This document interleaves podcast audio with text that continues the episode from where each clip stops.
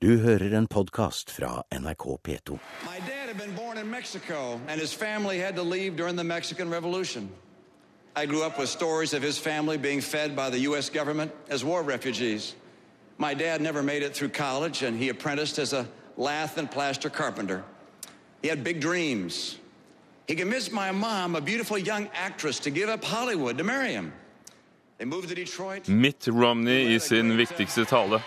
Republikanernes presidentkandidat talte til partiets landsmøte i Tampa i Florida i USA i natt. Og 30 millioner fulgte denne talen, og ikke minst presse og analytikere. Og Kjell Lars Berge, professor i tekstvitenskap ved Universitetet i Oslo.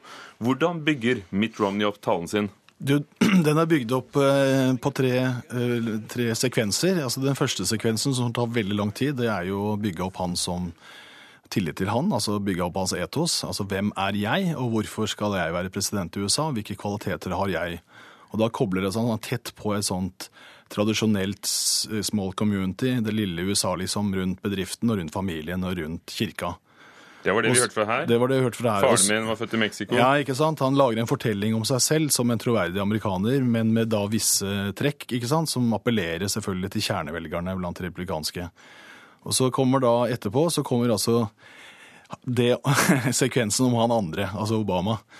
Og det som er interessant er sånn, det er at han starter da den sekvensen hvor han kritiserer Obama med å si at vi egentlig hadde stor tillit til ham, altså Obama. Og så begynner man å rakke ned på han, da. Ikke sant? Om han ikke har fått til, og så videre. Og alt vi skal gjøre istedenfor. Altså at han på en måte, Obama altså, har motarbeidet og ødelagt det Amerika som han, Romney, og hans folk står for. Og det gjorde han på denne måten her. The president hasn't disappointed you because he wanted to. The president has disappointed America because he hasn't led America in the right direction. He took office with a, without the basic qualification that most Americans have, and one that was essential to the task at hand. Han skuffet oss ikke fordi han ville, men fordi han hadde ikke kvalifikasjonen. Han kunne ikke bedre, Ikke sier Mitt Romney. Ja, fordi han ikke hadde drevet en business, ikke sant? Altså Han var ikke businessmann, han var ikke forretningsmann. Han hadde ikke drevet liksom et lite bilmekanikerverksted og bygd det opp til å bli en kjempestor bedrift. Og følge så er han udugelig som president. Det er liksom resonnementet. Og det kan man jo spørre seg selv, hvor troverdig er det? Folk har jo relativt god hukommelse, så håper jeg at folk følger litt med i politikken også, ikke bare når det gjelder disse valgene og sånn. Og da vet man jo selvfølgelig at det har vært en voldsom strid mellom republikanerne og demokratene, hvor republikanerne har gjort alt de kan for å stoppe Obama. Så det er jo noe med redeligheten i argumentasjonen her, da. Vi skal, vi skal komme til den tredje og avsluttende delen, men Kjellars Berge, eh, siden vi snakket om Obama, hvordan vil du sammenligne Mitt Romney med Barack Obama som uh, taler? Altså det er klart at De har jo veldig gode taleskrivere, men det er jo ikke nærheten av Obamas karisma. ikke sant? Og eh, Obama har jo poetiske kvaliteter i selve uttrykket. Eh, Man merket også i måten eh, landsmøtet reagerte på, der man vil tro at det er de største entusiastene som finnes. ikke sant? Og de var jo ikke på langt nær sånn entusiasme rundt eh, Romney som jo Obama opplever nesten uansett. altså. Hvordan, eh, hvilke kvaliteter finner du i talen? Nei, altså jeg finner eh, kvalitetene, det er det som nok vi, eh, mange av oss utenfra, særlig her i Norge og særlig med akademisk bakgrunn, reagerer på som på en måte den lønnesirupen som ligger over talen. Altså Det er på en måte en sånn country western-låt, dette her. Altså Det er veldig sentimentalt. altså. Utrolig kraftig kost. Det er veldig smørt på.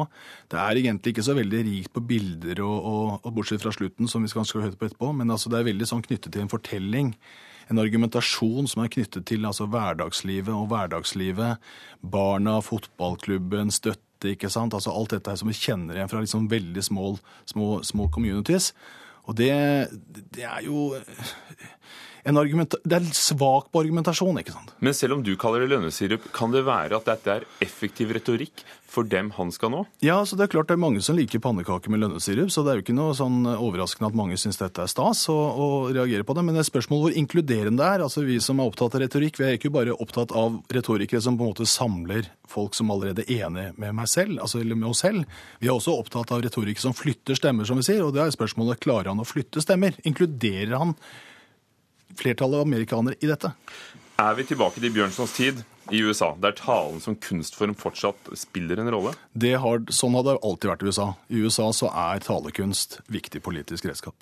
To ord om avslutningen hans, som vi skal høre nå. Ja, altså Den er jo spennende. Der er jo likhet med Obama påfallende. Altså Obama er jo kjempegod på avslutninger, og det er skikkelig crescendo, og da liksom løfter taket seg. Og, og Raymond prøver på det samme, men det er ikke det samme trøkket over det, og det merker man jo på publikum. Men det er litt, her er det også er litt sånn over the top med metaforikk og bilder og sånne ting. Future is our destiny. That future is out there. It is waiting for us. Our children deserve it. Our nation depends on it. The peace and freedom of the world require it. And with your help, we will deliver it. Let us begin that future for America tonight.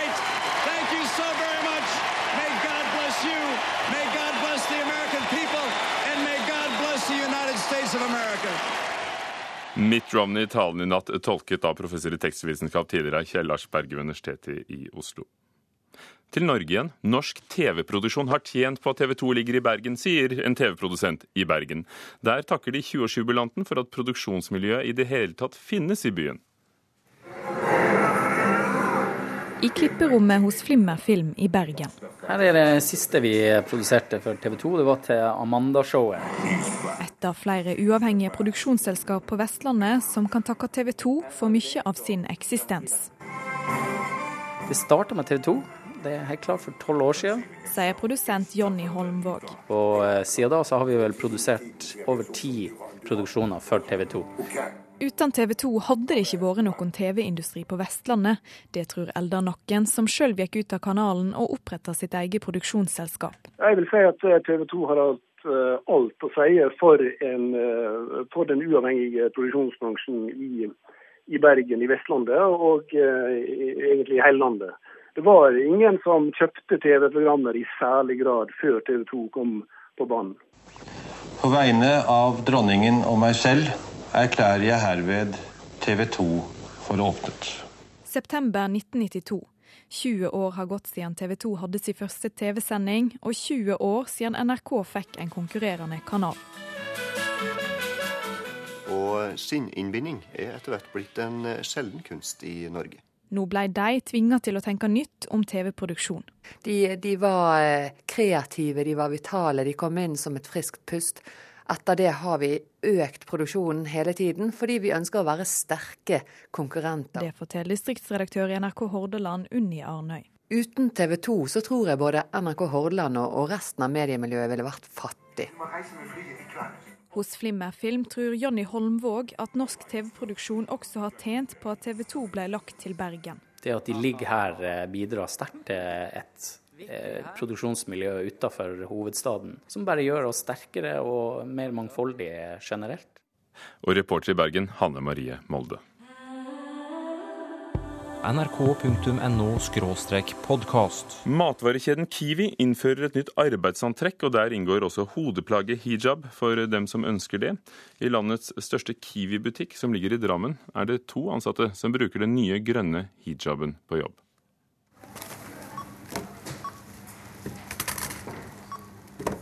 Sayeda Mahmoud jobber i denne Kiwi-butikken på Åssiden i Drammen. Hennes arbeidsoppgaver er varierte. Hun er ansvarlig for å luke ut produkter som har gått ut på dato, eller hun sitter i kassa. For henne er det viktig å kunne bruke hijaben på jobben. Og hun synes det er stas å få en grønn hijab som en naturlig del av arbeidsantrekket. Jeg syns det er veldig fint å bruke hijab med samme farge. Så folk legger merke til at du nå har en grønn hijab? Ja, de merker det. Jeg syns det er positivt for meg, fordi forrige jeg hadde svart. ikke sant? Når de ser det helt likt som uniform, så det er det positivt. Er det viktig for deg å bruke hijab på jobben? Ja, veldig viktig. Fordi det er, jeg vil beholde min som muslimregion, og så vi fikk lov til det. Det er veldig bra. det der selv om vi er på jobb, og så ha den samme muslimgreia. ikke sant? Og så da er det stolt at jobber og pluss muslim ikke sant? fikk lov av det. Bruken av hijab som del av arbeidsantrekket har vært et omstridt tema i lang tid. Det har vært diskutert både i politiet og innen dommerstanden. Også innen det private er det diskutert. Ikea innførte hijab allerede i 2005. Nå kommer altså Kiwi med tilbudet. Blant Kiwis 9000 ansatte er det kun i underkant av 100 som har bedt om hijab som del av antrekket. Det forteller administrerende direktør Jan Paul Bjørkøy. Vi har jo tillatt hijab i mange år, og særlig i Oslo har det jo vært flere som har brukt hijab. Og de har måttet bruke privat hijab, men igjen, vi ønsker ikke at man skal blande privattøy med uniformen. Og da ønsker vi å gi et tilbud til de som bruker hijab, og den er da selvsagt grønn som, som resten. Altså Du kan representere vår bedrift selv om du er muslim. Det er jo det det sier når de lager en, en, en hijab som passer til uniformen. Det sier Alexa Døving, forsker ved Holocaust-senteret. Hun har forsket på hijab-debatten. Og nå lar de da et muslimsk eller et religiøst symbol også være med på den representasjonen, mm. uten at det oppfattes som en trussel fra Kiwi. Da. Og Det tror jeg er en god utvikling i det integrerte samfunn, at man stoler på at man står sammen om en del felles verdier gjennom den fellesuniformen, men at det tillates ulikhet i tillegg, uten at det oppleves som en trussel. Sa Alexa Døving ved Holocaust-senteret, og reporter var Maria Kommandantvold. nrk.no podkast. Aldri før har det vært flere publikummere på en eh, separatutstilling i Bomullsfabrikken i Arendal sin historie, enn i sommer, altså. Mer enn 4000 mennesker har sett eh, Leonard Richards bilder siden åpningen i juni. Det er bare tre dager igjen å gjøre det på. Å vandre rundt i de lyse og luftige lokalene i Bomullsfabrikken kunsthall for å studere nesten 200 bilder samlet i de 92 verkene til Leonard Richard, der de henger, noen for seg selv med stor plass, og noen tett sammen med andre. Jeg treffer en av de mer enn 4000 menneskene som til nå har sett utstillingen, Ragnar Solhoff. Jeg syns det er en imponerende utstilling, både i farver og utvalg. Syns jeg er helt flott å, å komme her og skue. Ja. Mm. Han har nettopp sett en av sommerens absolutte suksesser blant kunstutstillinger i hele landet. Det tror direktør for Kunsthallen i Arendal, Harald Solberg. 4000 mennesker på én utstilling er ikke hverdagskost. Og Det som er interessant med den utstillinga, er det at eh, Leonard Richard han, eh, han eh, når hjem både hos, i det kunstfaglige miljøet, alle institusjonene, men også hos folk flest. Så, så det har vært gledelig å se at det har vært så godt besøk. Kunstneren selv, Leonard Richard, er svært tydelig på at publikumstall normalt ikke er en god markør for kvalitet, men han innrømmer at besøkstallene gleder. Nei, Jeg syns dette er veldig hyggelig, og veldig hyggelig for galleristen også, Harald, som gjør en fantastisk jobb eh, med Bommelsrøyken kunsthall. Og er gjennomseriøs eh, i alt han gjør. Så det at, eh, at dette fanger så bredt. Det syns jeg er hyggelig. Richard fremhever Bomullsfabrikkens direktør og utstillingslokalene mer enn sin egen kunst når han blir bedt om å forklare hvorfor utstillingen har blitt så populær. Så det, det er en kombinasjon av interesse for maleri, interesse for uh, eventuelt mitt kunstnerskap og interesse for galleri, bom, eller Bomullsfabrikken kunsthall, som er seriøst. Sa Leonard Rikard i Bomullsfabrikken kunsthall, og reporter i Arendal var Pål Tegnander. Du har hørt en podkast fra NRK P2.